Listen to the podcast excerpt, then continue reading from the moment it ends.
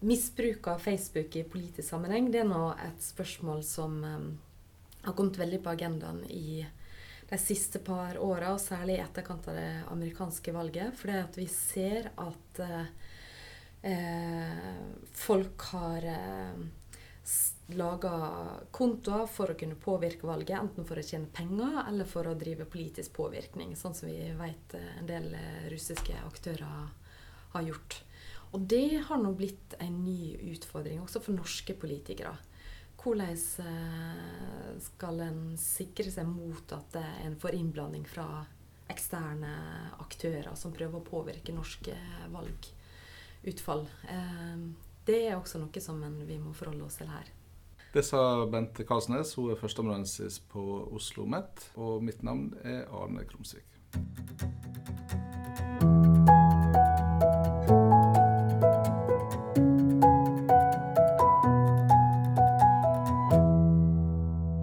Jeg jobber da på et prosjekt sammen med Karoline Ilebekk og eh, Chris Adrian Simonsen, der vi skal eh, undersøke hvordan eh, innvandringsdebatten foregår på partilederne og partiene sine Facebook-sider. Og hvordan de håndterer kommentarfeltene som dukker opp under postene deres. Og Litt av bakgrunnen for det prosjektet det er at vi i de senere år har sett at eh, masse av debatten har flytta seg fra eh, avisene sine eh, nettsider, altså nettavisene, og over til Facebook. Og da eh, også til partiene sine Facebook-sider. Eh, og det fører til nye utfordringer for de som da skal eh, håndtere den debatten, og i det tilfellet her eh, partiene. Hva slags utfordringer er det de i hovedsak møter på da? Vi var interessert i å kikke på innvandringsdebatten, fordi det er en av de heiteste, mest intense debattene som foregår i, i Norge og i veldig mange andre land. Eh, og det er også en debatt som er kjennetegna ved at eh, det er veldig sterke meninger. Det er hardt språk. Eh, hard tone. Eh, til tider eh, Ja, rett og slett eh, hatretorikk i eh, kommentarfeltene. Så akkurat den debatten er spesielt utfordrende å skulle håndtere. Og vi lurer da på eh, ser partiene på det på den måten at de har et ansvar, må de moderere. Og hvordan gjør de i så fall det? Hva gjør de da?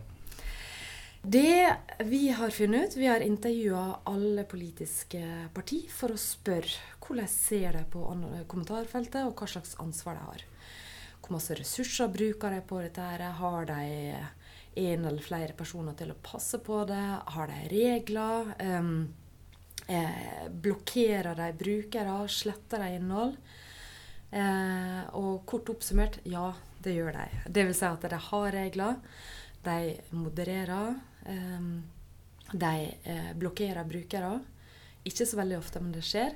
Og dette her eh, ser vi ganske jevnt over hos alle partier. Er det noe de snakker med hverandre om, eller eh, løser de dette hver for seg? Om de snakker med hverandre, det vet jeg egentlig ikke. Dette er noe sånn som de har utvikla praksis på over tid. Eh, og det er også noe som de har holdt på med når de har hatt nettsider med kommentarfelt, så det er ikke en ny ting eh, altså med, med, Facebook. Dette har han også hatt tidligere. Eh, men det ser ut som at partiene i større grad også tar et slags altså redaktøransvar for kommentarfeltet at de oppfatter det som at de har et ansvar for å få til en, eh, en eh, debatt som er mer eller mindre konstruktiv. I hvert fall eh, prøve å unngå de verste personangrepene i debatten. Og det er ganske vanskelig. Du setter en ganske høy temperatur her. Er den temperaturen like høy på alle partier, eller er det store forskjeller? Eh, vi har ikke vært inne og sett på selve kommentarfeltene ennå. Eh, men vi opplever nok at alle partier syns altså innvandring er et spesielt krevende tema å eh, ha debatter på. Men det vi ser, det er nå at eh, eh, de partiene som poster mest om innvandring i den perioden som vi har undersøkt, 2015 til 2016, altså i den perioden da det var eh, den store eh, flyktningstrømmen innover Europa, Eh, de partiene som poster mest om det, er Frp og SV. Og til en viss grad KrF. Eh, så vi kan si at det, det er disse her partiene på ytterkantene da, som har et størst engasjement i, i det spørsmålet. Eh, samtidig så ser vi at Frp er det partiet som desidert får flest kommentarer og liker og delinger. At de klarer å skape betraktelig mer engasjement enn hva SV gjør. Eh, det som har vært litt overraskende eh, til en viss grad, det er at Arbeiderpartiet egentlig melder seg litt ut eh, av det spørsmålet. Jeg poster egentlig ganske lite om, om innvandring på, på Facebook. Um, at de prøver ikke å være veldig på ballen akkurat på det spørsmålet i den uh, perioden. Kan det være fordi de har tilhengere som uh, på begge sider av, uh, av spørsmålet, slik at uansett hva de skriver, så blir det problematisk på en måte? Ja, jeg tror nok det er mange årsaker til det. Det er et vanskelig spørsmål for Eh, for mange partier. Samtidig som at Arbeiderpartiet ligger ikke så langt unna Høyre og Frp når det gjelder innvandringspolitikk. Det ligger ganske nært, egentlig. Eh, men tradisjonelt så har ikke innvandring vært en kjernesak for Arbeiderpartiet. Langt ifra. En har prøvd å profilere seg på arbeid, på, eh, på skatt, på helse, på utdanning. At det har vært viktige eh, eh, saker for eh, partiet, mens eh, Frp i lang, lang tid har eh, hatt innvandring som sin kjernesak, og har dratt veldig mange velgere på det. Eh, det vi har sett i, det siste, og kanskje særlig etter valget i 2017, det er at eh, flere partier må få Eller at de har innsett at de må utvikle en politikk på det området, også Arbeiderpartiet. Foregår disse debattene først og fremst på partiene sine Facebook-sider eller på politikerne sine Facebook-sider? Det foregår begge plasser. Det som er, har vært en tendens eh, en stund, det er at partilederne har hatt flere følgere, og at det har vært mer engasjement der. Eh, hvis en går litt tilbake, så så vi det særlig hos eh, Jens Stoltenberg. at det, eh, det var, han hadde veldig mange følgere. Eh, på, altså rundt valget i 2013 så så hadde han nå 320 000 følgere på Facebook-sida. Mens Sylvi Listhaug har vel rundt 100 000. Så vi, eh, så vi har sett eh, et stort engasjement rundt partilederne. Eh, hos de mindre partiene så vil det gjerne være altså på partiene sine nettsider eh, engasjementet er større enn en hos partilederne. Men det kommer litt an på hva, det, hva de legger ut. Og vi ser litt forskjell på hva de legger ut på partiene sine Facebook-sider versus partilederen. Um, eh, på partiene sine Facebook-sider så er det en tendens at en lenker til sitt eget innhold på nettsidene sine. Mens hos partilederne så er det en tendens at en lenker til medieinnhold, altså til eh, nettaviser.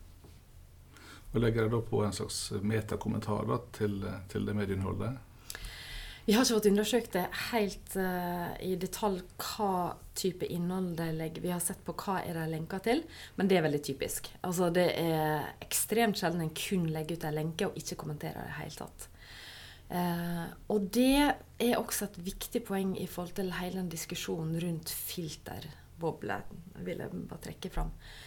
Uh, for ofte når en skal undersøke er, hva er graden av filterbobler. Altså dette her med at vi primært eh, får tilgang til informasjon som bekrefter vårt eget eh, verdensbilde. Eh, for det som har vært gjennomgående og undersøkt eh, dette her med filterbobler i sosiale medier, at det, en får tilgang til masse forskjellig informasjon. Eh, masse forskjellig medieinnhold. Men det som er veldig viktig å prøve å skjønne mer om, det er denne metakommentaren som ligger på topp. Hvordan pakker en det inn, eller hvordan rammer en inn det medieinnholdet? Eh, for det er med på å prege tolkninga av den informasjonen som da kommer i, eh, i lenka under. Det, det, gir en slags begrensning på, på det mangfoldet, på en måte? Ved at du, du har en slags eh, briller med på kjøpet? Ja, det, det, kan det være. At uh, når et parti da lenka til en artikkel i VG, så vil det være partiets fortolkning av den artikkelen som kommer på toppen. Uh, og som er med på å prege hvordan, hvordan følgerne kanskje leser den. Uh, men det vet vi for lite om, så det må jeg forske mer på. Sylvi Listhaug er jo litt, blitt kjent for å være særlig god på å skape debatt og særlig god på å iscenesette seg sjøl. Står hun fram på en bestemt måte i materialet ditt også? Ja, det gjør hun. På hvilken måte da? Ja. Eh, altså både når det gjelder aktiviteten i oppdateringene, hvor ofte de poster fra Sylvi Listhaug sin eh, Facebook-side, eh, antall følgere og antall, altså engasjementet på den eh, nettsida, som igjen gir synlighet på Facebook-plattforma, det er stort. Eh, vi ser også en kombinasjon av eh, å trekke fram det positive ved egen politikk, eh, kombinert med altså, kritikk av andre. Altså det kan være politiske motstandere, eller det kan være media. Så det er en blanding ofte av noe som er veldig bra, og noe som er negativt. Pluss en oppfordring om å like og dele. Altså det uttrykket som nesten har blitt en uh, klisjé. Eh, og vi har vært, eh, gått inn og sett på, på materialet. Altså hvor ofte oppfordrer partier til det vi kaller eh, online og offline mobilisering. Altså eh, delta på et partimøte, en demonstrasjon, altså noe som skjer ute i liksom, den fysiske verden, versus å delta på et eller annet på, på nett. Og og da ser vi at Frp og særlig Sylvi Lysthaug skilles ut når det gjelder dette lik og del. Og det indikerer at uh, de på en måte har um, uh, virkelig forstått disse sosiale medier-logikkene. Hvordan skal du få oppmerksomhet på den plattforma? Og da er særlig det med liking og deling veldig veldig viktig. Så de klarer å få eh, større synlighet rundt sitt innhold ved å skulle direkte oppfordre til den type aktivitet betyr det at hun har på en måte vært mer avansert eh, har mer avansert forståelse av plattformer, ikke bare at hun er provoserende i budskapet?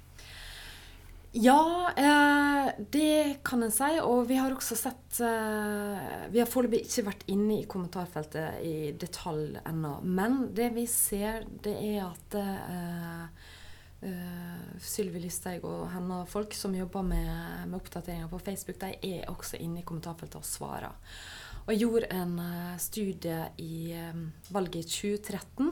Og da skilte Frp seg ut fra de andre partiene ved at jeg faktisk deltok i kommentarfeltet.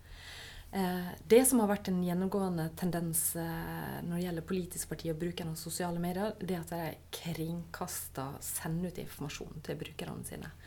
Mens de ikke har tatt eh, del i det deltakende potensialet da, i, i kommunikasjonsteknologien.